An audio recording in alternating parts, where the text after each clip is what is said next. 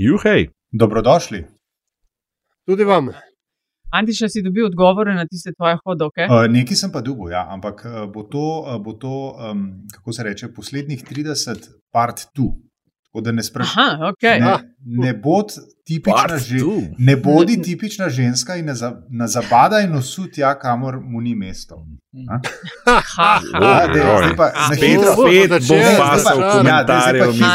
Hiter ena nominacija za bodečo nežo, pa smo pa zmogli. Ja. Mislim, Tega da te nimamo, ne bom namočila, ti, ti prav, veš, kako te lahko. Ti si prav želiš, ne, Antiša?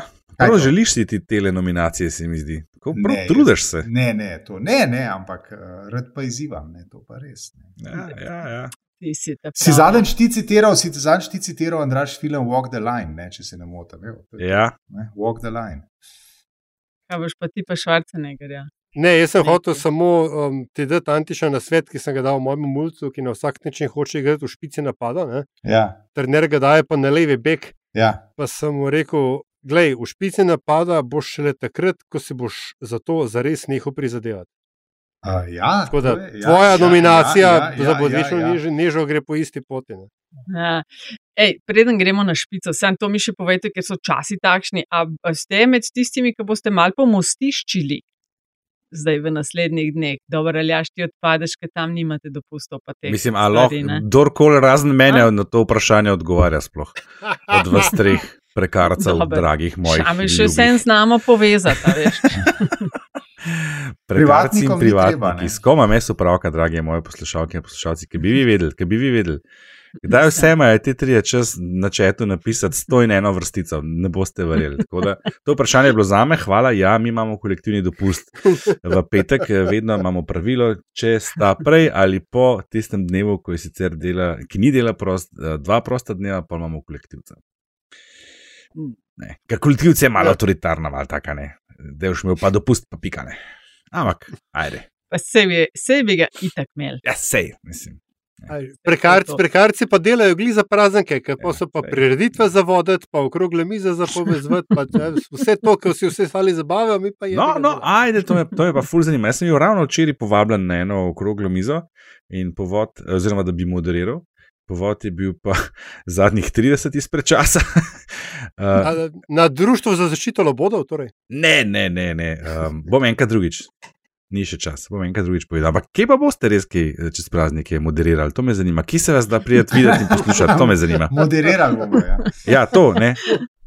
Štefico sem že enkrat ujel v planici ali dvakrat, se ne vem. Ne? Ja, prav gotovo. Ja. Ja, tam si bila enkrat. Ja, to, si vem, da, to, na, to si bila. Si prav, sem, to niso bile prvo majske. Oblečena si bila za moderiranje, tako da sklepam, da si ja, res moderirala. Ne, planica je bila ne, dve leti nazaj, tri, kaj pa vem.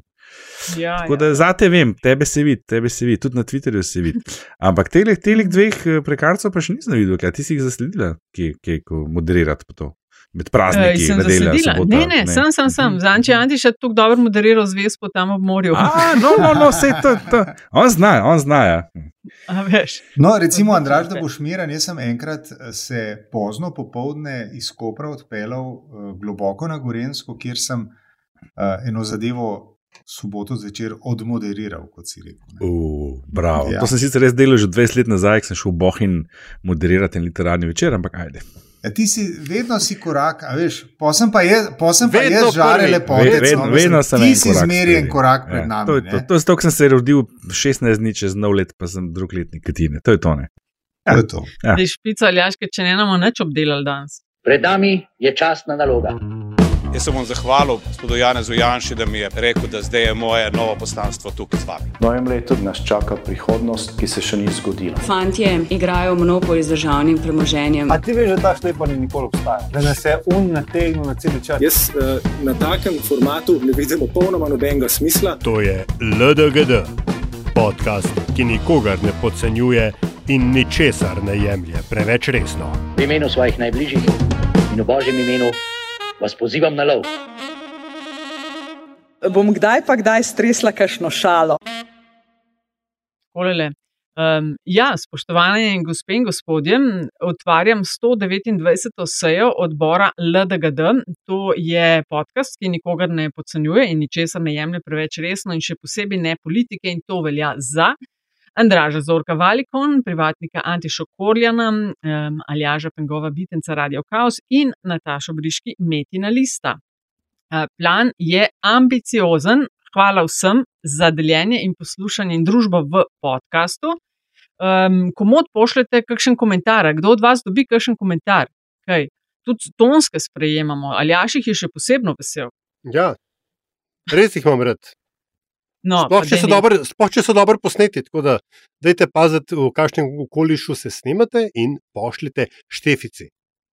Tako da um, res lepa hvala tudi za ocene, ki nam jih dajete pri vaših podcast ponudnikih tema oziroma vsebina tokratne epizode pa se bo obesila na interpelacijo vlade.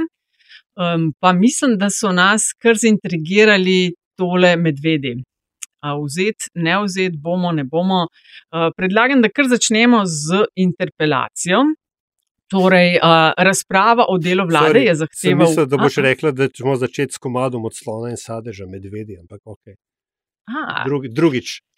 No, SDS je zahteval razpravo o delu vlade. Sode, sodu je po njihovem izbilo dno ukinitev muzeja osamosvojitve in urada za demografijo, pa tudi opustitev, kot so rekli, dolžnega ravnanja na področju zdravstva in preprečevanja nezakonitih migracij. So pa tudi kritični do finančne politike vlade in kadrovskih potez. Zdaj, po koncu razprave ni bilo glasovanja ali kakšnih sklepov, Andraš, je po tvojem bolj švicala vlada, zopr katero je bila sprožena ta interpelacija, ali se je na koncu razpletlo čisto obratno, na nek način v promo vlade in tistega, kar je rekel premijer Golob. No, zdaj bodo ljudje, boste videli, zakaj so glasovali proti vam 24.4.2022. Mislim, da izjava je malo pretenciozna. Jaz mislim, da uh, te interpelacije ni gledalo prav veliko uh, voljivcev ljudi včeraj, razen tist, tistih nas, ki poleg rednega uh, dela, ki ga upravljamo v službah, uh, še z levim očesom malo spremljamo, kaj se dogaja na ekranu. Uh, bi pa se točno to zgodilo, jaz sem dejansko malo spremljal to daleč. Mm, Uresničilo se je, po mojem mnenju, to, kar je, kar je bil glavni razlog, ki ga je Metej Tonin uh, omenil kot razlog, zakaj ne bodo prispevali svojih podpisov k tej interpelaciji, čež da bo to samo nepotrebna priložnost za promocijo vlade. In na tanko to je tudi bila, ne nepotrebna, še kako potrebna v pravem času. Uh, ravno ko je začela podpora vladi, parat, ko so se začeli nekateri malo sprašovati, je to res to, in tako naprej, so dobili odlično priložnost. In jaz mislim, da so tudi zelo dobro uh, izkoristili. Um, včeraj smo lahko videli, da ima ta vlada, ko še kažko rečeno, dolgo klop, um, da ima kar nekaj uh, retorično izjemno spretnih ministric, predvsem in ministrov, malo manj. Uh, in to dobro izkoriščajo. In, in na nekem trenutku se mi je zdel Janez Janša kar mal, malček nebogljen. Ne? Najbolj do izraza je to prišlo v trenutku, ko je potem, ko je Robert Golop uh, uh, kraljeval z PowerPointom, kar je bilo prvič, če se ne motim, do zdaj in smo ga tudi res lepo videli na ekranu in izgledal zelo profesionalno skupaj, pa tudi narejen je bil uh, prav po ne Pirko, Pirkovičevsko. Ne, uh, je, je potem mahal tam z nekim sprintanim papirjem, kar je izgledalo res malo mal bizarno v nekem trenutku. Tako da jaz absolutno mislim, da tle vlada, vlada opozicija ima 2-0, vsaj če ne 3-0.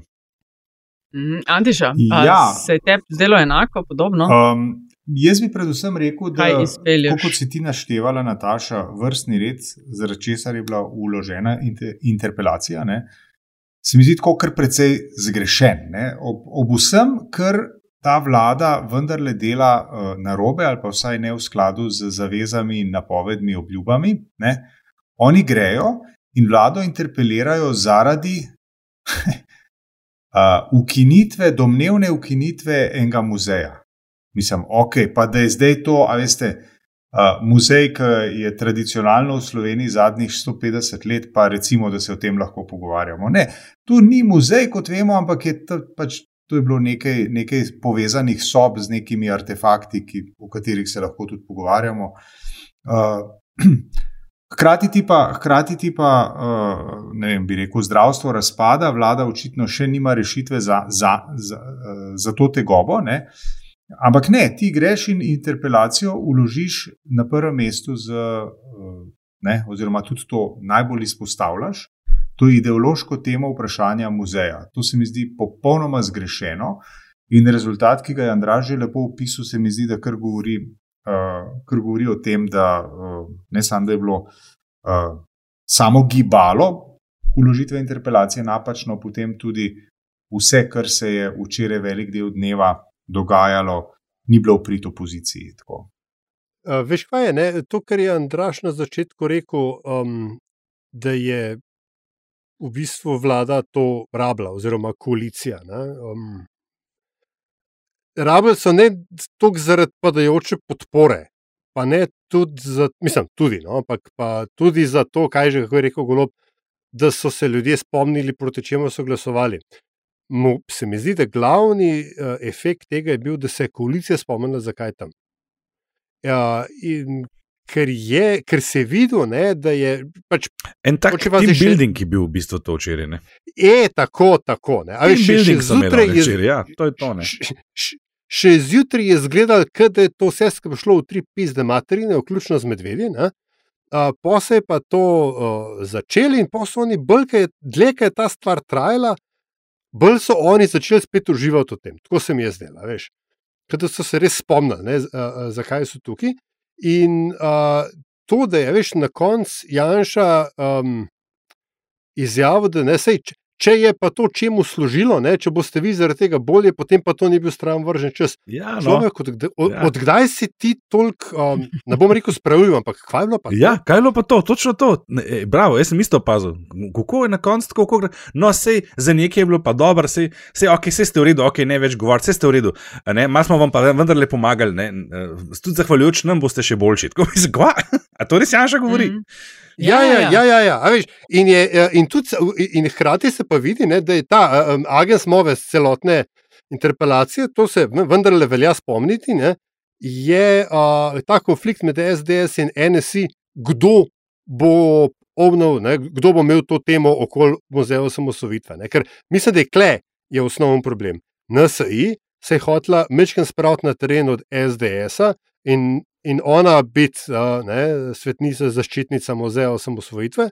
In NSA je pa rekla, da je to naša tema. In, in tukaj, in, veš, in, in so imeli v resnici prav, če, ne, če pogledam moj timeline menšnov, edina stvar, zaradi katere jih tudi 24 ur kasneje poslušam, je to, da sem Janši rekel, da živi v preteklosti. Janši rekel, o Janši rekel, da uh, živi v preteklosti. Uh, kaj mhm. Vse, mm. ampak vse ostalo pa le, ni važno. Zdravstvo. Mislim, lej, jaz sem imel občutek, veš, da so šli v napad, da so imeli kaj napadati, ampak da so se tega napada lotili s praznimi naboji. Ne? Janša je rekel, to je bila interpelacija, nekonstruktivna nezaupnica. Mi smo se želeli sam pogovoriti, ker jim je res grozno SDS-u, da je takšna zmeda na, na vladi. Mm. Na, najavljate, da boste nekaj izpeljali ampak se pol ne zgodi, kot morate. Zmedeni smo mi, ja. pa je pa še probo biti mal duhovit. Zmedene so živali. Ja, to z medvedji je bilo tudi smešno. Ja. Ja. Tam je ratala. No, ta, ta, tam je ratala. Tam je ratala. Ja, gre se delovati tako. Veš, kaj se ja. eh, mogoče dva dobita na nekem sestanku, ki je nekdo ful neki nezadovoljen, pa mu pa um nasproti pove, en kup enih stvari, zaradi katerih ti ugotoviš, da pravzaprav nimaš pravega razloga, da bi res kaj nezadovoljen, se postaviš v defenzivo. Čakaj, vse v redu, vse v redu, no, se nisem tako mislil, se sem sam hodil, a veš tako. Tak, tak, ja, Pričem že vnaprej mal, veš, da bo mal zgubo. Ja. Mislim, že, že naprej deloval, kot se je. Nisem tako mislil, no je bilo na koncu. Ja, pa ta klasičen asortiman, mm. uh, kulturni marksizem, jada, jada, levičari, jada, jada. Ja, Mislim, če bi bilo vsakič, mm, ki je mm. Janša rekel eh, levičari ali pa omenil stotine milijonov evrov za nje, bi bila, kot smo včasih rekli, naklana komina. Ja, ne, pa veš, kaj je polčerice, ki sem uh, gledal um, Breznika, ki je imel on kaj že obrazložitev ali razpravo. Človek je najprej 15 minut porabil za uvod v literarno zgodovino, kar je gledaj, super tema za, za parlament. No, Pravno se je, ne. Pravno se je, tako vidiš, da je, ampak tako, malo so trošili, veš, kaj, da so ugotovili, da so pozno v igri, da so si enostavno odgriznili preveč in so potem rabili trošiti čas. Ne pozabimo pa, seveda, ne, da je proceduralno je ravno ta ne, interpelacija proti celotni vladi ne more rezultirati v glasovanju, ker glas, bi to pomenilo, da bi glasovali o nezaupnici vladi. Za razliko od interpelacije proti posameznemu ministru ali ministrici, ki pa lahko rezultira v glasovanju, kar je ne spet nota bene, tisto, za kar si je prizadevala NSI v osnovi, pa jih je SDS povozila. Ja, da, skratka, če povzamemo, ne, eh, vlada je imela team building, eh, z vidika opozicije je šlo pa v resnici za konstruktivno zaupnico tej vladi. Mm -hmm. Mislim, klasično so očitali stvari, to zdaj opažam, pa že zadnjih nekaj let, ta mal uh, Karl Rowe taktika. Tisto, pri čemer so sami slabi, očitajo drugim. Ne? Ta kadrovanja so očitali, da bi mogli biti s tem v bistvu zares tih, ki so stvornaki vozili kadre in zaposlovali sploh zadnje tedne svoje vlade. Ne? Pa zna Janša tudi pogosto reči, kako se je javni sektor razbohotil pod stanovimi, pri čemer javna poraba ni nič manjša, kot je bila pri njih, in ponavadi tudi pri njih mal naraste. Ne. Pa golob, to, kar si omenil, uh, Andraš, te, to je meni bilo zelo se dopadla ta uporaba PowerPoint prezentacij, tako da jih dejansko vidiš, veš, da niso to tiste uh, printani papiri, ker hm, pol so nekateri s temi sprinti, ki pa ne delujejo tako dobro, predvsem nič ne vidiš če gledaš na televiziji. Ne? In golobo, v bistvu, njemu lahko učitamo marsikaj, ampak javni nastop, pa tako po moji oceni, je on tako dober. Čas je govoril, razumljivo, udaril čošek brez strahu, mojstersko spina, mm -hmm, te PowerPointi so bili zelo televizični, tako po delčkih je razsekaval. Uh, Janša, tehnično gledano je bil dober. Ne? V bistvu bi uh, lahko, samo še to bi uh, mogel reči SDS-u, ne sprašujte, kaj je država naredila za vas, ampak kaj ste vi v tem času naredili za državo. In pa bi SDS-ovci hitro lahko začeli dvigati roke. Jaz, jaz, stršica, interpelacije smo vlagali, referendume, paket 30 vložkov po konstituiranju vlade, pa spodbujamo proteste, pa na RTV smo še kar aktivni. Veš, ja, no, manjkal, ja, da bi bilo rekel. ne, pa ne, ne, ne, eh, ne zanemrljiv uh, detalj, ne, za vse tiste, ki ste, ki ste spustili ta prenos. Režiser je bil tudi na strani vlade, se mi zdi, ker je pogosto oh. lovil, lovil uh, opozicijske oh. klopi, ki so medtem, ko je golo razlagal, kaj vse oni počnejo, vsi lepo, veselo tvitali ali tipkali, kar so že delali na telefonu. Tole bo pa prizori so bili legendarni. Tole, Andraš, kar si zdaj rekel, zna pa rezultirati v eni, v eni zahtevi za pojasnilo, zakaj je režiser ravnal, kot je ravnal. To ja. pa. Razmisli drugi, no. če boš o takih stvareh govoril. Jaz sem samo to hotel reči, da se je mislim, da opisovala vrline, vrline nastopa Roberta Goloba. Jaz mislim, da eh, v enem od svojih prejšnjih življenj je bil tudi pedagoški kader na univerzi oziroma fakulteti. In jaz mislim, da se mu to uh, pozna pri tej, breku, neki Eh, rutiniranosti podajanja materije. No, tako sem to lepo povedal. Tako, ker deluje, veš, kot da pripoveduje, ja, ja. ne da bere, ker eni ne znajo. Vse tudi lahko bereš, ampak vse deluje kot da pripoveduješ, mm -hmm. kot da meni direkt. Govoriš, tako fuli skrajno. Ima, no, on ima ravno to fino, uh, ravno pravšno kombinacijo te uh mhm. -huh. suverenosti, hkrati pa ne kaže, da se v tej suverenosti uh, predobro počuti, iz česar potem pogosto um, izpade vtis o naučenosti. Ne? To smo imeli ne malo krat uh, priložnost opazovati pri nekdanjem predsedniku republike Borutu Pahorju, ki je skozi to ne, sproščenost, ki je bila za otenek prevelika, dajal vtis ne spontanosti oziroma ne če mu rečem, ne, ne, ni neverodostojno spravi, ampak ne spontanosti, naučenosti. No, tako, to mislim, da je pravi izraz. Ja, uh, ampak, hod, ho, ja, prosti, hotel sem samo uh, dve stvari dodati. Ne, da, zdaj, ki si ga opisal, um, Antiša Goloba, ne, kot um, pol predavatelja, v bistvu res je tako mal. Uh, Je bila vaja v ohranjanju pozornosti zgolj deloma zbrane publike, kar je definicija faksa. Ne? Um, bi moral pa vendarle um, državni zbor kot inštitucijo na tej točki vzeti obran. Uh, Sveda je režiser kazal opozicijo, ki je neumorno drkala telefone tam, je pa kazal tudi pozicijo, ki je neumorno drkala telefone, tako da mislim, da uravnoteženost je bila tukaj zagotovljena. Ne. No, kaj vam je še kaj padlo? Pa, to, bilo, reči, grede, ja, to bi bilo zanimivo, ali ja, to, kar si naslovil zdaj. Ne. Nekoč je, neko, nekoč, oziroma z leti je postalo popolnoma neprimerno, da se v poslanskih klopeh bere časopis. Ne. Ja. Uh, jaz mislim, da bi to veljalo razširiti oziroma aplicirati tudi na uporabo telefonov. Čist, če ne zaradi drugega, pa, zaradi, drugega, pa zaradi spoštovanja do unga, ki tam govori, oziroma do funkcije, ki jo zasedaš. Veš kaj, Pa veš kaj kaj, bojo pa glej, pol počeli? Mislim, to, da ti imaš vmes kaj za, če si 14 ur sediš v državnem zboru, pa tudi če imaš pauze in tako naprej, da imaš komu kaj za odpisati, pa kakšno nujno stvar za odgovoriti in tako naprej, no worries, ne. Ampak da pa vsi naenkrat nekaj nujnega počnejo na telefonu, to pa ni več preveč. Jaz bom sam, sam to bom rekel. Um, nekdani premijer je bil vsaj to kurtoaznost, da je telefon skril pod klop, ne, medtem ko ostala rulja tam, pa ono na klopa, taka, taka, taka. Pa lepo vas prosim. res. Gospa predsednica No, vam je državnega zbora, to je državljanski predlog za dopolnitev poslovnika državnega zbora.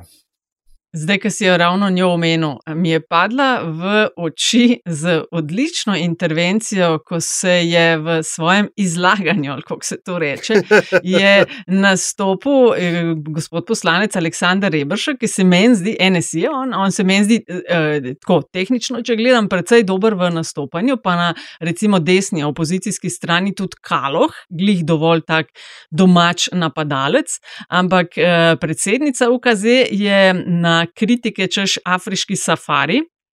Ker na to njen safari je bilo, eh, oziroma Afriko, obisk v Afriki, oziroma v dveh državah v Afriki, je kar eh, veliko bilo prelitega črnila in mu je lepo rekla: ne, Sej ne biti užaljeni, naslednjič vas bom vzela na pot s sabo. Že ne." rekla, kaj, kaj je tako menca ali, ali tanca ali kaj že nekaj tazga je Ja, ja, ja, da, ja, to se čisto točno ne spomnim, ampak skratka, Da lepo- smeh in tako. In zato, Andraš, ki si v prejšnji epizodi rekel, "Ne, nič ne pada. Ne, Ne, to ne. so te intervencije. Ja, točno to. Jaz bi imel tukaj sicer, veste, jaz bi imel tukaj sicer pa mislim, da odklonilno ločeno mnenje. Ne?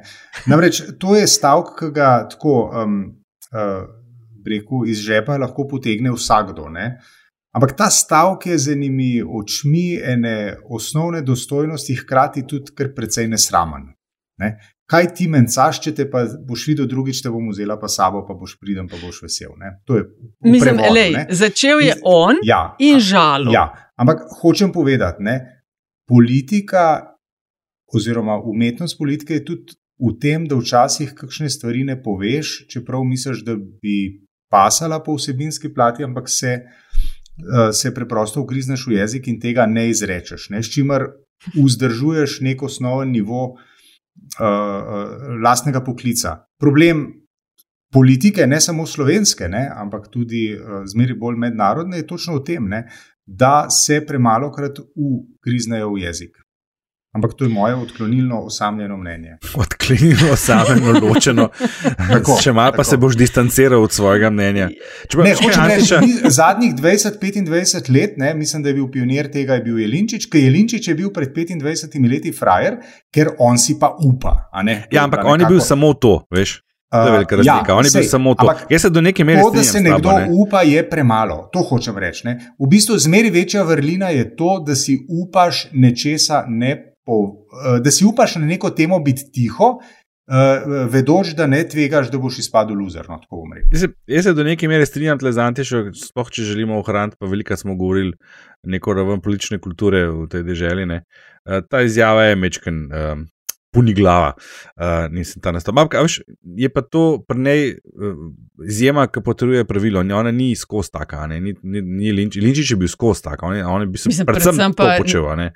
Ne In- moreš z Jelinčičevimi izjavami in podobnimi izjavami, kot so pregledi med, med nožja in podobne bedarije, za kar bi Tako, klofuto mogli dobiti takoj in jim prepovedati za naslednjih pet let noter, to neko eh, napad direkten na njo, češ šla si se san turizem v Afriki. Ne, No, mislim, Eh, ja, veš kaj, je pa to, tak, mislim- poni glavo, ampak. Ja, veš kaj, problem tega je samo to, da se je spustila na njihov nivo, no, tako bi rekel. ne. Ja, sej Ker to je pa pol to tale očitanje te debata, Afrike, mislim, veš. je tako populistično, mislim, tega mogoče res ne bi bilo treba, da se spustite, ampak ne, pač ta, taka je, to je njen stil. Tako kot ima Robert Golob svoj stil vladanja, ima, ga, ga ima tudi ona stil predsednikovanja temu zboru. tako da.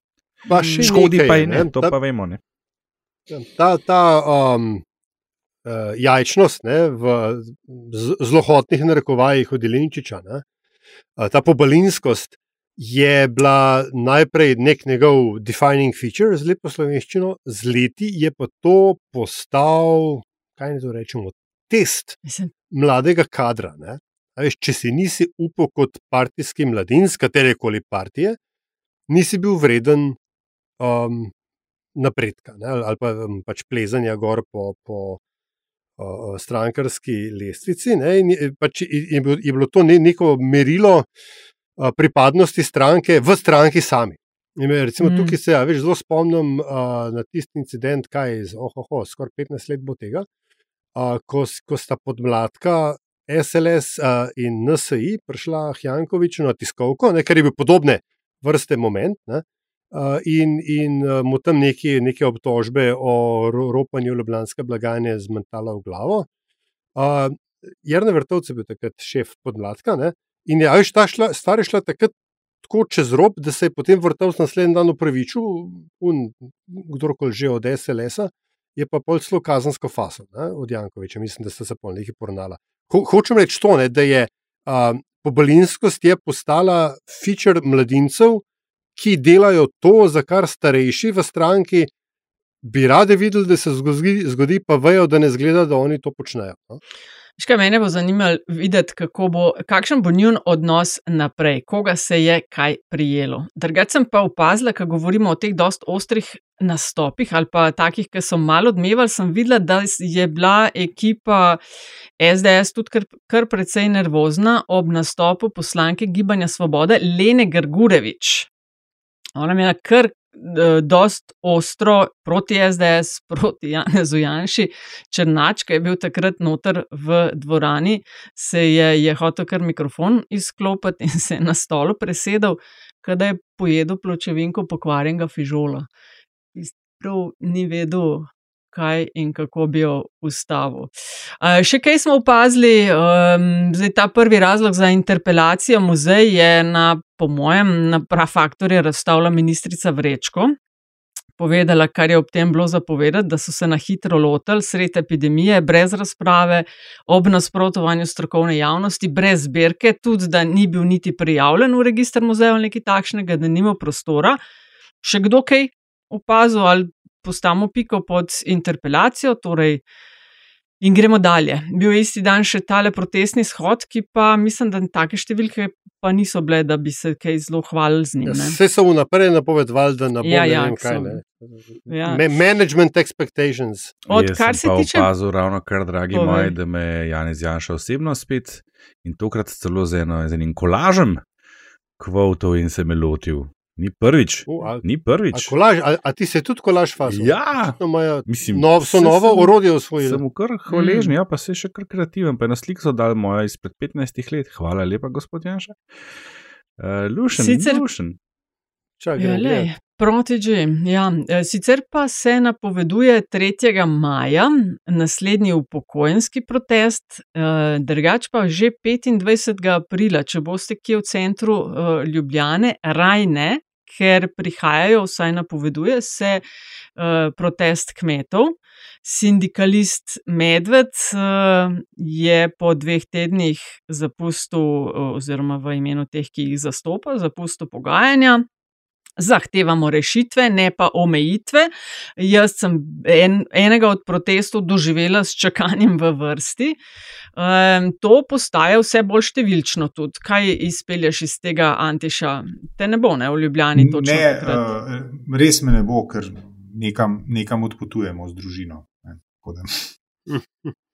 Čak, se pravi, da, imamo, da se napoveduje prvi kmečko-sodniško-zdravniški punt v zgodovini, ali sem to prav razumel? Sodniki bodo ne, bodo po 1. maju, če bojo. A, pardon. Ker so rekli, no, da, da, da dajo vladi do konca meseca, veš, da, da, da rodi teh 600 evrov. Ne? No, ti zbo tudi. Le bom pa izkoristila primek eh, glavnega sindikalista Medveda za naslednjo temo in sicer je v torek premijer pozval k zamrznitvi ukrepa oduzema 230 medvedov. Zdaj, po strokovnih ocenah, lani spomladi so jih našteli okoli 1100, pravijo, da bi bil potreben odstrel 230. V torek je premijer pozval ministra k zamrznitvi odločb v sredo sta se srečala in so tole odmrznili. Spet uh, se zdi, kot da je težko gospod premijer brzdal svoj ego in izletel tri krasne.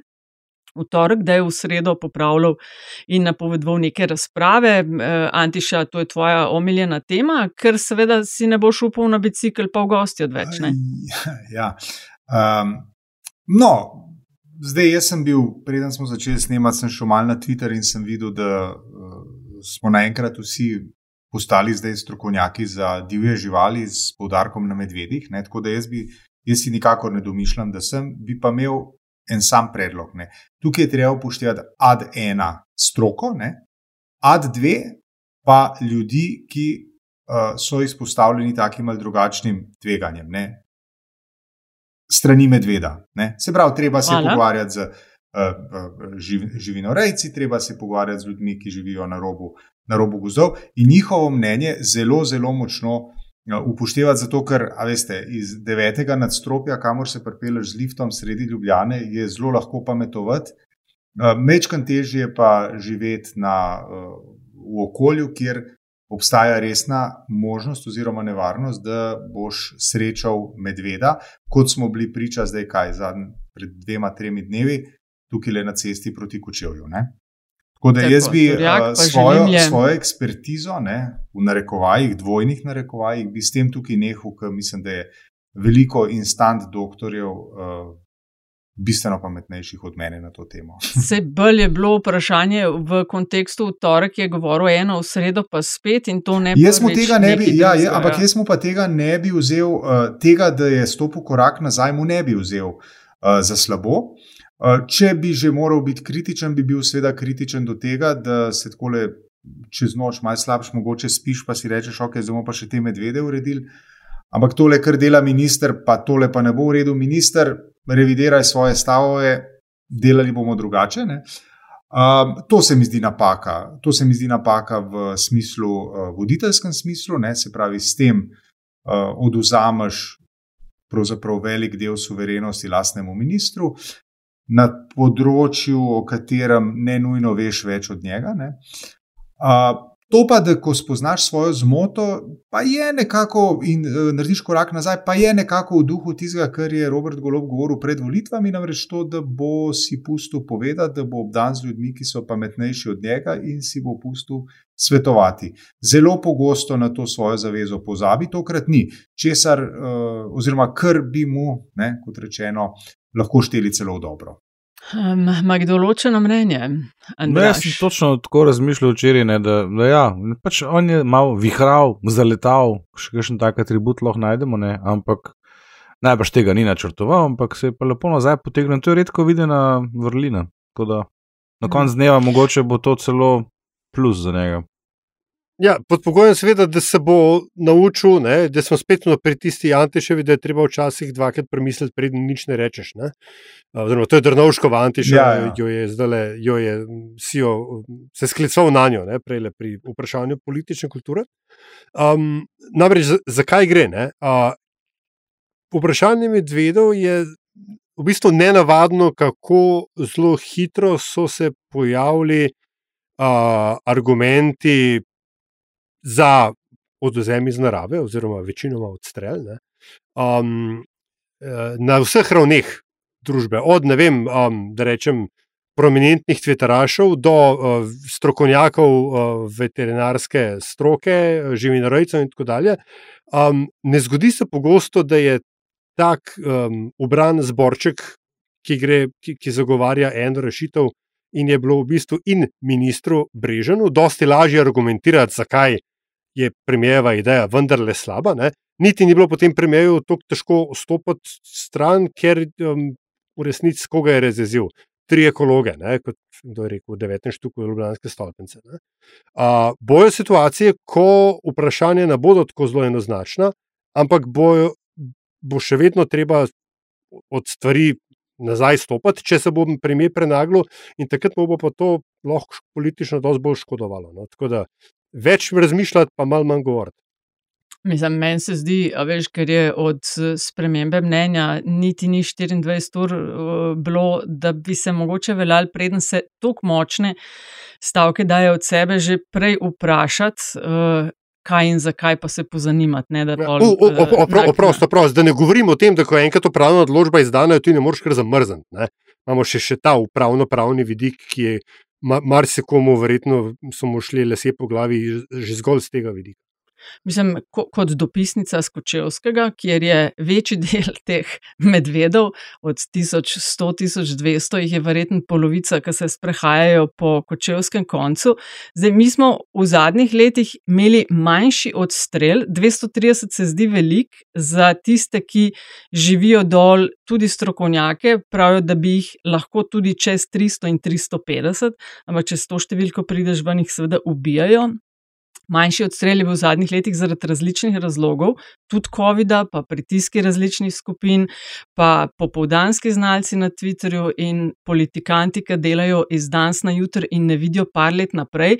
Tako, kot si uh, Antiša rekel, ne, predvsem iz pisarna v Ljubljani lahko o tem teoretizirati. Eno je praksa, stanje, ki ga pa ljudje živijo na terenu, recimo na Kočevskem, je pa takšno, da sploh ni redko, da pohodnik ali pohodnica nabaše na medveda na poti na mestni vrh. To je tako, kot da bi ga nabasal na njega, ko greš na šmarko, ali pa ko tečeš ob gozni poti, ki je usporedna recimo z glavno cesto, do dolge vasi, tisti, ki, ki poznate, kjer je tisti velik eh, mountain bike center. Ne, medved dejansko tja za jadra, so ga pa ne tako dolgo nazaj. Videli v Rožni ulici, to je tako 200 metrov od naše hiše, ki pa je v centru Kočevja. Ne ob robju, centru, mislim, ni Kočevje, New York, ampak vse je eno mesto ne? in to ni ok.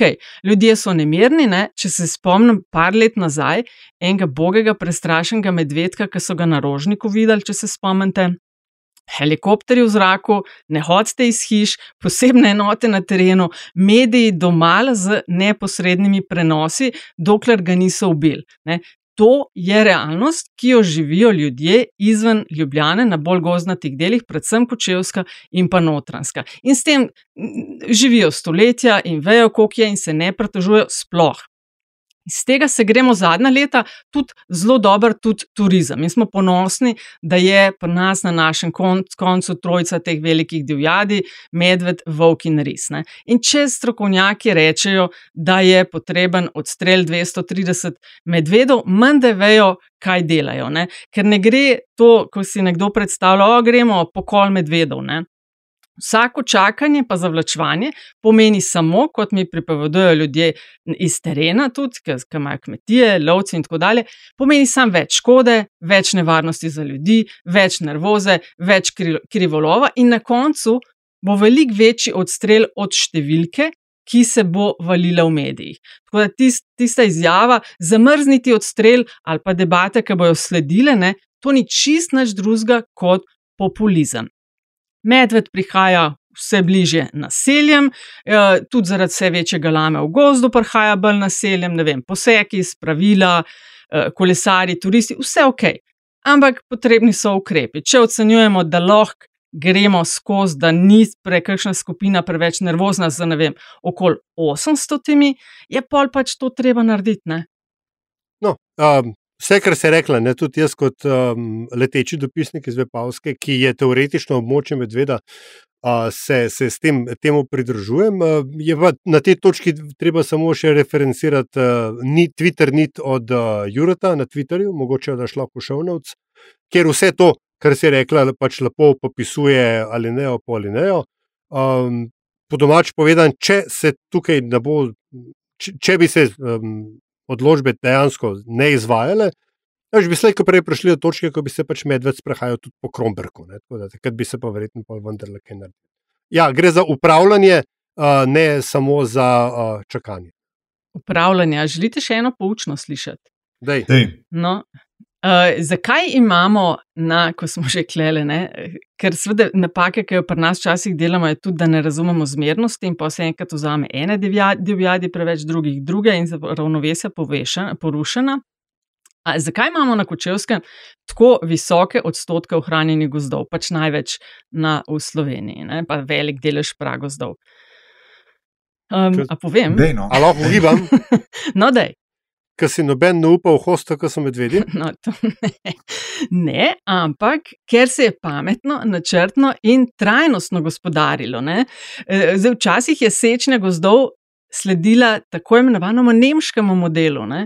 E, golosek. Pri nas je pa konc 19. stoletja uveljavil Hufnaglov model, ta Hufnagel je bil model, ki je bil upravitelj Auersbergovih gozdov in on se je odločil za odbiranje. Torej, včasih so, a veš, vem, 100 metrov črto naredili in vse posekali.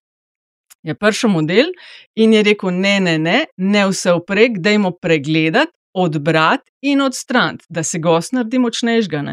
Ker če bi delali po tem starem modelu, bi kočevsko dan zgledali kot krasne. Ale hu, pa je pa pihno, ne? To pa, a, fantje. Hufnagla imamo radi, ja. Da, in, in isto je s to divjadjo, ampak dobro, dajmo nehati z divjadjo. Andraš, ti vem, da imaš ful za, za povedati. Parlamentarne volitve 24.4. bo eno leto. Volivna udeležba je bila tretja najvišja v zgodovini volitev, 70,97 odstotka, v praksi to milijon 200 tisoč ljudi, približno je prišlo. Volt še nikoli prej ni imela ena stranka, v tem primeru Gibanje Svoboda, 41 mandatov. Najboljša, najbolj, najslabša poteza doslej, najdosežek razočaranje. Kaj bi ti rekel? Um, a veš, zanimivo, to vprašanje sem pa danes že na to vprašanje, sem tako vprašanje sem danes že odgovoril. Jaz sem rekel, no, začel sem z najslabšo, da se mi zdi, da je bila ena najslabših potez to, da niso znali izkoristiti nečesa, kar so dobro naredili, kar je bilo v bistvu dobra poteza. Um, in to je ukrepanje v zvezi z uh, draginjo, predvsem na področju energetike. Ne, ne vem, če ste zaznali, ne vem, zakaj je zdaj meni tle neki strašno na glas piska v slušalke. Um, kaj se je zgodilo? Uh, petrol, je, petrol je zagrozil državi s tožbo, ste zaznali to novico? -hmm. ja, ne, to je zdaj že samo po sebi malo smešen, ker je pač petrol do neke mere državna družba. Uh, tako kot bi hči tožila svojo mati. Um, če pa tudi taki primeri niso redki. In, in kaj to pomeni? Spravi, oni so očitali državi, da so zaradi državnih vladnih ukrepov z zadrževanjem cen energentov zmanjšali njihov dobiček, pa ste zdaj, ne, ne da so jih pahnili v izgubo. No, oni so sicer v tistem času imeli izgubo, ampak na koncu leta so imeli vsem plus. Ampak oni so očitali vladi, da so premalo zaslužili. Ne, vladi, mhm. ki je na nek način zastopnica eh, lastništva te, te, te iste družbe. Skratka, eh, to je za me indikator, da so očitno nekaj dobrega naredili. Ne? Uh, ker ta razlika se je morala nekje poznati, poznala se je na naših denarnicah in naših položnicah. Tako da jaz mislim, da je največja napaka te vlade, da ni znala tega bolj izkoristiti. Ne? Ker eh, tako, kot se navadi človek, dobrih stvari se tudi slabih, oziroma obratno. Ne?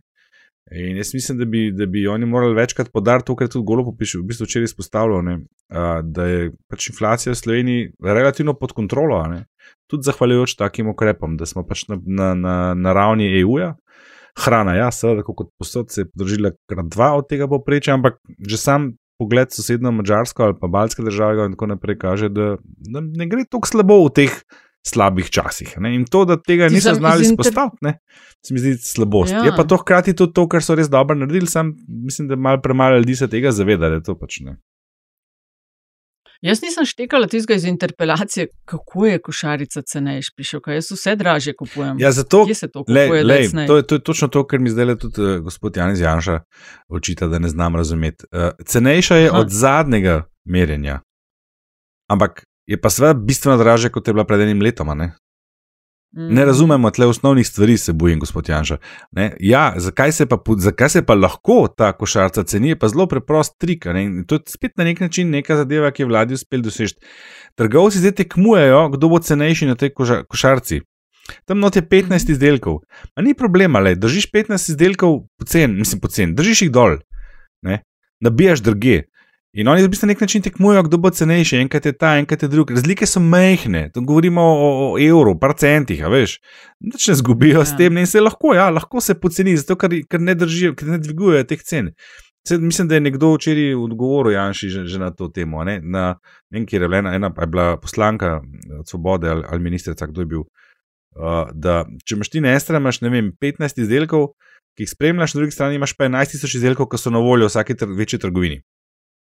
Ni težko prijeti do, do tega, kje nastane pa teh 20%. Ne? Zato, ker so pač določene stvari šle pa krat dva cene gora. Mm. Pa, pač niso v košarci. Antiša, koša, tvoja košarica, dobrot po enem letu. Dobrot in slabosti. Ja, ja recimo. Um, ne, če ti kaj, kaj bi, sej le, le, ni, da bi ja, težili s tem, mislim, ker če- smo v eni od prejšnjih epizod že ja, malo. Ne, če se pogovarjamo o slabostih, je vsekakor po mojem to, ne, kar je davek politične neizkušenosti, to, da si, um, uh, se pravi, da v veliki meri nisi izpolnil tistega, kar. Kar si napovedal, in Nataša, vem, da se ne boš strinjala z mano, ampak tako pač je. Ne? To je ena stvar, druga stvar je to, da se v netko mehkem delu, netko mehkem delu svojega delovanja, v bistvu se nisi zelo odmaknil od sicer uh, um, uveljavljenih načinov delovanja v slovenski politiki, do katerih smo vsi, kot državljani, zelo pogosto zelo kritični. Uh, te svoje glasove so državljani uh, prelili, torej to svoje mnenje so prelili v glasove na volitvah, potem pa v enem smislu velike razlike pa vendarle ni bilo. Tisto, kar je absolutno dobro, je pa to, da v tej družbi znova cveti, bom rekel, tisoč cvetov. Ne? Um, Pričemer, pričemer nihče nikogar ne zaplinja. To se mi zdi uh, včasih podcenjen vidik življenja danes tu. Ne? Um, ampak to, da uh, Pavleta Ruparja in njegove množice, v velikosti katere se seveda lahko pogovarjamo, ampak da Pavleta Ruparja nihče ne zaplini, ne? čeprav z, z pozornice oziroma z govornice, se upravičujem, ne samo da poje čebelice, ampak tudi je zelo kritičen do predstavnikov oblasti, da teh ljudi nihče ne zaplini, se mi zdi. Kar je paradoksalno reči leta 23, ampak to je civilizacijski napredek, ki smo mu pričali v tej družbi. Ne? Antiša, ni da se ne strinjam s tabo. Jaz sem samo rekla, da you campaign in poetry and govern in prose. Ja, ja, in da nisem videla, vla, nisem videla vlade, stranke, ki uh, je uresničila vse, kar je obljubljala. Nikoli nobena. Uh, to je res, ne. Ampak če ti zelo, ampak dobro, vse to smo se že pogovarjali. Če ti zelo Ja, ja, ja. suvereno in zelo decidirano postaviš, kaj bodo tvoji prvi ukrepi, in ne Ja, samo ja, ja, ukrepi, ja. ampak tudi rezultati tvojih ukrepov, in se potem v enem letu ne zgodi nič, potem s tem si dokazal vredno neke politične kritike najmanj. neizkušenosti in zaletavosti. Absolutno. Um, še želiš še kdo kaj dodati, ali bomo raje malo eh, špekulirali, kam bo kdo šel na dopust? No, bom jaz Kako še mostični? bom jaz še to A, dej, dej. dodal, ker je um, to zadnje, ne, spravo, ta, ta kritičen pogled na zadnje leto vladavine Roberta Goloba in njegove koalicije, se mi zdi, da je sažetak toga, ne, je um, epizoda s Tatjano Bobnar. Ker tam noter imaš vse.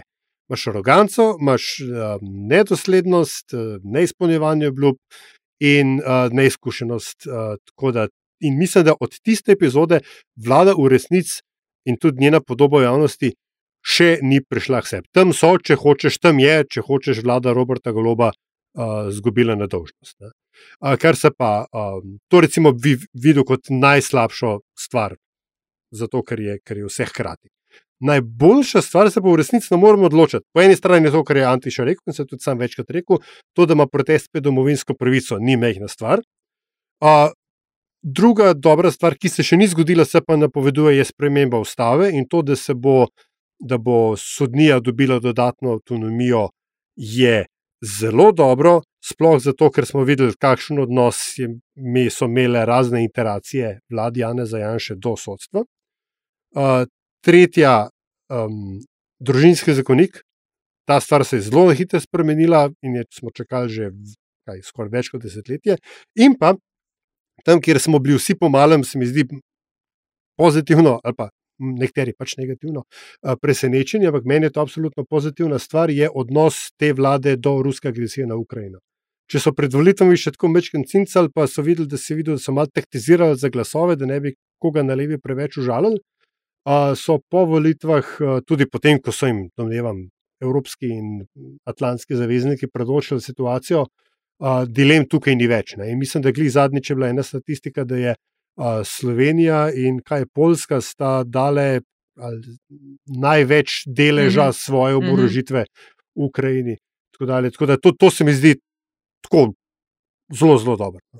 Jaz bi v pluse dodala še, pa se ste pomalem že povedali, bolj to, tudi to, poleg spoštljivega komunic- komuniciranja in zmožnosti protestiranja prosto, eh, proevropska usmerjenost, ker sej so prejšnja vlada je to poudarjala, ampak eh, pelala nas je pa v skupine, ki imajo precej avtokratične tendence. Pri čemer pa dodajam še nekaj. Ne. Golop je v interpelaciji v bistvu zelo malo govoril o zunanji politiki in ko sem malo razmišljala, njega dejansko se zelo malo vključuje v zunanjo politiko, tudi v kontekstu nabiranja glasov za kandidaturo v, kot nestalne članice v varnostnem svetu, ga nikjer ni, je to zgleda mal prepustu. In uh, to je opazna meni razlika za Janezom Janšo. Uh -huh. Pri njemu se mi je všeč, da se angažira na mednarodnem odru, ne vsebina in kam nas pelje, ampak eh, goloba, razen na evropskih svetih, eno leto bo mimo, je bil kje na obisku na Hrvaškem, pa Bosni in Hercegovini. To se mi zdi mogoče mal mal. Um, po, a smo dovolj, dos, dovolj močno poudarjali tudi to posiljevanje, ki se ga grejo um, na RTV, da to še vedno ni niti malo šlo naprej. No, vidiš, to, celo nazaj. Ne, to je pa po mojem mnenju uh, spregledani razlog, zakaj v resnici vladi podpora pada. Jaz mislim, da se mm -hmm. novinari, pa tudi mi, ko komentiramo, premalkrat zavedamo, da se mi res malo bolj podrobno ukvarjamo s tem, kaj vlada počne in česa ne in kako. In da ne razumemo čisto dobro, kako pa poteka rezoniranje navad, pri, pri navadnih ljudeh z ulice, kot jih imenujemo, tudi recimo raziskavi v gledalo Slovenije. Ne? Uh, tako smo recimo videli, da kako Urški Klakočar Zopančič ne škodijo njene poteze, pa so tako veliko se o njih pisali, pa tako so jo kritizirali, ampak ona je ena redkih političnih institucij kot predsednica državnega zbora, ki ni padla zaupanje v tem zadnjem merjenju. Naprimer. In mm. V tem primeru uh, se mislim, da podcenjuje učinek, ki ga je imelo na voljivca dejstvo, da so ljudje ne samo, da so enkrat podprli to vlado aprila uh, pred enim letom, da so čez pol leta prišli še enkrat na volišča in še enkrat na nek način podprli to vlado in tu eksplicitno v primeru referenduma uh, o zakonu RTV in na kar se ne zgodi nič.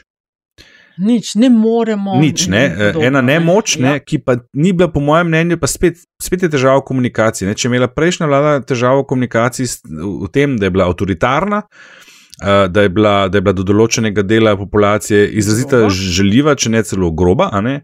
ima mhm. pa ta vlada problem s tem, da pa ne zna izpostaviti določenih stvari, ki so v bistvu bi bile ne v prid. Ene sem že prej omenil da, zna, da se ne zna dovolj pohvaliti. Uh, druga, je pa, druga pa to, oni, oni so kar mal pristali na to, to je zdaj, ne, nič ne moremo, ampak niso pojasnili. Ker bi se rekli, državljani, oprostite, nismo računali na tak razplet, ali kaj pa je svem kaj.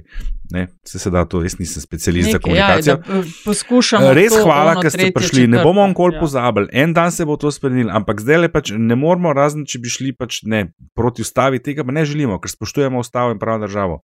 Ne, in, in, in hitro lahko zaspinaš pol, to znajo ti spin doktori, ne, da je pravzaprav to kriv, da preteklih vlad, ki so pustile tak zakon, kakršen je in tako naprej. Ne. Ampak niso tega naredili, mm. niso tega naredili. In, in jaz kot voljivc bi se lahko počutil nategnjen. Jaz, jaz vem, zakaj je to tako, pa res, jaz res ne želim, da bi ta vlada. Jaz ne razumem ljudi, ki na Twitterju pozivajo, uh, pa se zgražajo nad uh, razsodbami ustavnega sodišča. Srčki, ljubčki, golobčki, to je ustavno sodišče. To, kar rečejo, uh, moramo spoštovati, pika. Tle ni ampak. Tle ni zdaj bomo presojali, če pa ta zakon nam ni všeč. Ne, ker ste, ste točno isti kot vaši nasprotniki. Ne, recimo, kakšen Arjen Pregel zna biti tak, naprimer, če omenim naj, najvidnejšega med njimi. Uh, in, in tle ne, je spet ta napaka storjena. Mislim, jaz kot voljivc bi se lahko počutil nategnjenega.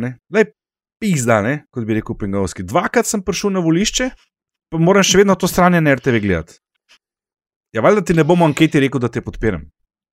Ja, je pa vendar, če smo že pri tem vprašanju, ne, vendar je treba povedati tudi, da je aplicira ta, ki jo jaz vedno uporabljam, tedne dni v politiki dolga doba. Ne, in če se recimo zgodi, da ima RTV, da se RTV um, razplete tako, kot se vlada želi, a veš, pa pa kar naenkrat prvič, za en teden bo vse v redu, pa bo pogotovili, da treba vse to še popraviti. Ne. Že posel pa ta zgodba. Smo rekli, začela, če bi danes se spremenilo, pred jesenjo ne bi bilo nič, pa se ja. danes ne spremenja. toliko o tem, o časovnici, kdaj kaj lahko bo, pa ne bo. Ja, politbizarka Antiša je že vse nestrpen čaka. Mm. Ja, ja, no, evo, ko si me že izvala. Vidim, se petaš čist. Ja, ja, ja rezultat ja, ja. čaka, čekaj, ja. čekaj. Ne, zdaj bom pa jaz pol. Se boš, se boš. Sam da, da sporočim rezultate politbizarke prejšnjega kroga. V 24. krogu je zmagala Kopriva. Kopriva Strikes Again. Seveda, neuspešno hotel plunt štifici. Že ta drugi zapor. Ja. No, to, to drugače so pa kar dosti skupaj bili in uh, dnevnik RTV na dan stavke, pa šefica Ukoma pojasnjuje in tudi SDM pobi, ker so bili za crkven smešni. Uh, tako da, ja, se še danes se smejem, smejemo. no, No, dej Antiša, kaj te je tokrat uh, politbizarilo? Kaj boš povedal? Ja, jaz sem opazil na, na Twitterju, sem opazil tweet direktorja eh, televizije Slovenija, ki se priduša nad tem, da imajo v eni od pisarn še vedno Titovo sliko. Ne? Zdaj, kaj je tukaj meni bizarno? Uh, obstran to, da obstaja možnost, da tisto ni pisarna, ampak mogoče tako kakšna, uh, kakšna, Kevder. kakšen kevder ali pa tako nekaj. Ne? Ampak jaz sem se pol vprašal, pa kdo je zdaj direktor? Kdo je zdaj direktor na televiziji Slovenija, ki dopušča, da imajo še zmeri Titove slike obešene po zidovih? In kaj sem ugotovil? Da je direktor Uroš Urbanija. Se pravi, gospod Urbanija, ta samo prijava, ki ste jo izvedli, je v bistvu bizarna. In jaz mislim, da bo, eh, gre v bistvu za samo ovadbo. In me bo zelo zanimalo, če bojo sledile tudi kakšne partijske sankcije, ali bo samo tovariška kritika na račun tovariša uh, Urbanije, ki ni pospravil z nesnago preteklosti, če smem tako reči, citirati koga mogoče, ki bi na to gledal tako. Aha. Skratka, kdo za vraga je direktor televizije, da pusti, da se take stvari dogajajo? To z razlogom ni, veš, to, da, da imajo po mesecih vse te napade. Če ni celo gor bilo postavljeno za te potrebe. No, ker si, Um, že- si že omenil starega, si bom jaz kar vzel besedo. Ne? No. Um, predsednik republike brez ograničenja trajanja mandata, kako smo že rekli, in večni vodja komunistične partije Jugoslavije. Um, če se prav spomnim uh, indoktrinacije, je bila komunistična partija Slovenije ustanovljena leta 1937 na Čebinah. Um, stari partici me bodo popravili, če sem se kaj zmotil, ampak vem, da na Čebinah je bil um, dogodek. Ne, um, in uh, Čebine so bile neke vrste uh, Meka in Medina uh, slovenskih komunistov, poleg um, partizanskih dražgoš, uh, vrsto letnih desetletij. In glede na to, da, je, so, da so socialdemokrati pravna naslednica Združene liste socialnih demokratov, ki je pravna naslednica um, Zveze komunistov Slovenije, stranke demokratske prenove, ki je pravna naslednica Zveze komunistov Slovenije, ki je pravna naslednica komunistične partije Slovenije, bi si mislil, da bo tam kakšen visok predstavnik SD-ja. Mogoče ne vem, ali je Tanja Fajon, mogoče imela kakšen del. Ampak uh, ne vem, generalni sekretar stranke. Ampak ne, tam je bila med drugim tudi eh, ministrica uh, za kulturo Asta Vrečko, ki je pa članica Levice, ki z Slovensko komunistično partijo nima nobene zgodovinske zveze. Ampak očitno ne, ne samo, da NSI hoče pograbati eh, teren SDS-u pri vprašanju muzeja osamosvojitve, zdaj hoče Levica prevzeti teren SD-ju pri vprašanju dejanskega naslednika komunistične partije Slovenije. Uh, Meni se zdi te pogledi in trčanja v preteklost, se mi zdijo super bizarni, sploh strani strank, ki trdijo, da jih zanima zgolj in izključno prihodnost. Andraš, kaj je pa tebe uh, zmotilo? S čim boš naskakoval šesto zmago v letošnji sezoni? Šele, ali kaj, tako slab sem, ja ne vem. Jaz... Res smo A izenačili. res? A res? Zdaj, to, Ja, to samo vidi, zato, ker si ti prav tako do, dobrohotna in deliš Ne, ne. z mano. Ja, Spengovski jih ima sedem, Ohoho. Štefica šest, vidva z Antišo pa pet. Tako Da, Ja, zdaj, vrtal? zdaj, da sem malo razmišljal, moram priznati, da sem bil malo neprepravljen. Nekaj časa sem razmišljal, da bi kar samo interpelacijo nominiral, zavedajoč se, da me to vodi v še en bridek poraz. Um, Medtem ko vidim, da sem si začel dopisati z bivšim premijem, kar me še kar zabava. Uh, v tem hipu, ko to snemamo. Uh, no, v glavnem, a, sem, a bom ukradel, če rečem, ru, Ne. rupar pri možini v intervjuju, a, a ti bom ukradel? Ne, bom. ne, Ok, ne. super. No, v glavnem, če sem prav zasledil, petkrat pravnomočno obsojeni, samo oklicani vodja upokojenskih. Eh, Oziroma, upokojencev, ne upokojenskih shodov, ker tam pač ni samo oklican, pojoči Pavle Rupar v gost v intervjuju. Meni se zdi to en, eno spet eno tako dno tega, kar se na RTV dogaja. Uh, mislim, veš, to zdaj tako zgleda, ki ga vabijo kot eh, nekega disidenta, ne? ki je bil uh, v nekem prejšnjem sistemu pokrivan petkrat obsojen, zdaj pa lahko na televiziji govori o teh starih časih. Mislim, bizarno, bizarno. Mm. Ja, jaz bom pa nominirala koperskega župana Bržan ali Bre, Bržan. Ne. Sem, mislim, da se je že parkrat zmotila ta teden Bržan, Brežan. Skratka, eh, z, ampak zaradi vožnje pod vplivom alkohola je bil znan koperski odvetnik, on je tudi eh, predsednik odvetniške zbornice Slovenije in pa koperski podžupan Janez Starman je ostal brez vozniškega dovoljenja. Antiša, mi grede, kaj tam v vaši vodi, ker v prejšnjem mandatu je pa prejšnji podžupan Peroša uh, tudi bil pijanko klada, pa 20 km vozil po avtocesti v nasprotno smer. Ja. Kaj se to pri vas dogaja? ta neka oplemenitena voda.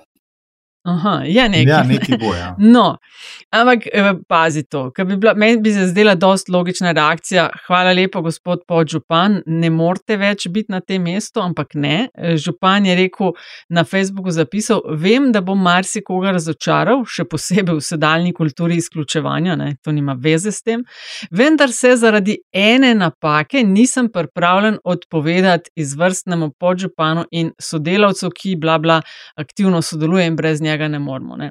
Ene napake. Mislim, to, da si pijan do mere, ko ti vzamejo dovoljenje, to pomeni, da si mogel kar neki, verjetno spit, ne?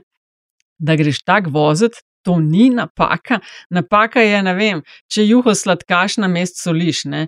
Napaka je, če pred kerki kodače vejca ne skače. Ampak to, da greš pa na pijan do mere, ko ti vzamejo izpit za volan, to pa, gospod župan, ni napaka in se mi zdi kar, kar orang. eh, Bizarno, da ste do takšnega zaključka prišli. To ni taka redkost. Pjanga so dobili že tudi postojnskega župana Marentiča, pa briškega župana uh, Mužiča in tako naprej. Ne? Zdaj, to dol. Briški loh. Kaj?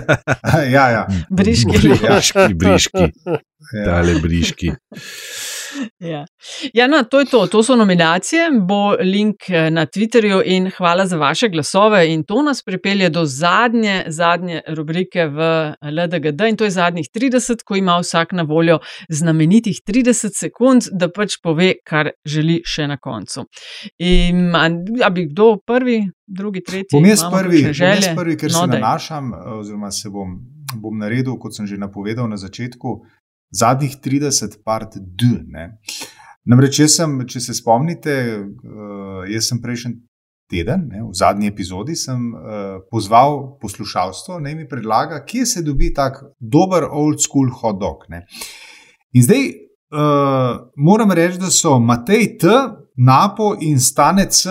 zaznali točno isto, um, isto točko, kamor se gre po to kulinarično, uh, kaj če reči, ne specialiteto, ampak nekaj najbolj vsakdanjega, česar pa v bistvu skoraj da ni več. Ne? Če pomislimo. To je, uh, to je en mehen štand, mogoče 4 kvadrate, če nima še manj, v pokritem delu Ljubljanske tržnice, kjer ti naredijo res un, uh, ta prav old school hot dog z dobro hrenovko, uh, z rahlo popečenim kruhom oziroma močno segretim kruhom. Lahko izbirate med uh, klobaso in uh, hrenovko. Tako da uh, hvala vsem, ki so se mi oglasili s podobnim predlogom. Ne? In uh, great minds think alike, ali kako se že reče. Ne? Kako se jim reče to, da bomo znali, da znam link? uh, če se ne motim, je to pekarna Kristan, ki ima svojo uh, filialo ne, tudi na pokritem delu BTC-jev. Na več koncih. Če se Ja, ne ja. motim, ampak to bom še raziskal. Antiša je to je un srednji vhod, pa takoj desno. Tako je, tako Poznam, je. Od poznam, ja. arkad noter. Ja, ja. Mm, Ja. Vem, vem, vem, ker je. Sem, sem jih že zavohal. In ta omemba ni bila sponzorirana. Lahko bi pa bila. Oh, Lahko bi pa bila. To je res, to je res. Lahko bi pa bila. Ej, bi se pa jaz priklopila na tole, če lahko za zadnjih 30 in bi podobno finto naredila kot Antiša prejšnji teden. Med eh, prvomajci grem na Kamino Krk. To je ena taka lepa, vsaj pravijo, da lepa, uh, krožna pot okrog Krka, približno 150 km dolga, na ene sedem etap razdeljenih, tam od 19 do 23 km. In uh, če je kdo bil, bom zelo vesela, če poveste, česa nikako ne smem zgrešiti, kje se je treba prfočkati, pa kje se uh, dobro je na poti ali pa na koncu poti, na koncu etap. No. Tako da hvala lepa vnaprej. CC, Sergeja Hadner, hvala, oglasi se Nataši. Hvala. Um, Andraš, ja, pa... lahko, lahko, ja. lahko. Jaz bi pa no, priporočil um, v branje odgovor napota na Antišo provokacijo iz prejšnjih zadnjih 30. Res zabavna, ne hecam se. Hotel sem priporočiti film 12 Orphans, vsega v bistvu bi na Nentiklu. 12 Orphans, krasna zgodba, bom si vzel malo časa, pa bom še eno stvar zraven dodal. Uh, 12 Orphans je zgodba o enih fantih, ki so bili v domu za, za osirotele otroke, že kar precej stari iz časa ameriške gospodarske krize, velike depresije, kar presunljiva zgodba. Najprej sem mislil, da gre še za en film, ki bo poveličeval ameriški nogomet, pa sem se k sreči fino zmotil. Priporočamo, gled, zelo, zelo fajn, zanimiva zgodba, fajn, fajn reden filmček. Uh, dejanskih zadnjih 30 se pa nanaša na moj zadnji izlet. To je pa uh, pretekli vikend, ko sem po, po nekem času, niti ne tako dolgem, spet bil v Puli. Uh, uh, ki me vedno znova fascinira s svojo arhitekturo oziroma tem. Tem miksom vsega, kar lahko tam vidiš, se, se postaviš v eno križišče. Se ne samo, da ima res najlepšo tržnico, tlele v okolju v Srednji Evropi, pa še malo širše. To je tudi vredno ogleda, sama, sama stavba in notranjost in vse, kar je okoli. Ampak tam ne lahko doživiš to, a ja, pa by the way, Antiša, tebi bilo tu zelo všeč, ne kdaj si bil na zadnje. In če si opazil, Pula je mesto skritih vrtov in parkov, Eh, kot Sem znanega bil, ljubitelja, poznam, ljubitelja parkovne. Uh, ne kriz, delim ne? tako navdušenja nad mm. tržnico, ampak okay, nadaljuj. Mislim, ta pokrit. Mislim, se mi ne zdi več posebno. Stavba, no. res, ja. res. No, hm, zanimivo. No, v glavnem. Uh, no. Zadnjih 30, zadnjih ne, ja, 30. ne mu bo, no, ne mu bo. Ja, vse sem ga sprovociral. Gre, kaj sem se dejansko spomnil na te, ki sem parke gledal. Uh, to je mal in to je mal in žog. Uh, kaj se je zgodilo, puli ti se postaviš eno križišče in se ti ni treba več, več premikati, ne samo obračaš se in, in vidiš stavbo iz Avstralske, vidiš kakšne uh, rimske ostanke, vidiš stavbo iz časa Mussolinija, ki je kar velik pečat pustil na tem mestu, tudi vidiš seveda en uh, real socialističen blok. In vidiš eno novo vila, blok novih časov. Mislim, fascinantno, fascinantno. Um, a imaš še kakšen konkretno, tako da bi lahko linkali ali da damo pač ta izlet v Pula? Sprehodite se Pula. 10 minut center okrog, posod imaš, na vsakem koraku imaš to. to, to. Ko bi rekli temu, tam melanž, aj melanž, prava beseda. Kolaž. Kolaž sem prej rekel. Ja. Reče se pul, ne pula, prosim. Pul, ja. pul, no, veš kaj. Ne. No, kaj boš pa ti spulil za zadnjih 30 ah, let? Jaz mislim pa, da bom izkoristil zadnjih 30, da obeležim nocojšnji, ko to snemamo, oziroma sinočni, če to poslušate v petek. Finale tretje sezone serije Star Trek Picard, eh, kjer se celotna ekipa od Jean-Luc Picarda do Rajkarja, Data in tako dalje. Um, domnevam, da se pač poslovijo in grejo novim avanturam naproti. Um, tisti, ki ste to gledali, veste, o čem govorim, tisti, ki serije niste gledali, vam jo vendarle toplo priporočam, ker je še najbolj gledljiva od vseh treh sezon Picarda. Um, z nestrpnostjo v srcu in solzo v očeh jo pričakujem. In se hkrati veselim že napovedane druge sezone, uh, Strange New Worlds, ki prihaja na streaming 15. junija. Privatnik oziroma prekarci. um, ja, to je bilo to ne, v uh, tej epizodi uh, LDGD. -ja. Se vidimo, slišmo spet po prvomajskih. Uh, lepo se majte in uživajte. Srečno.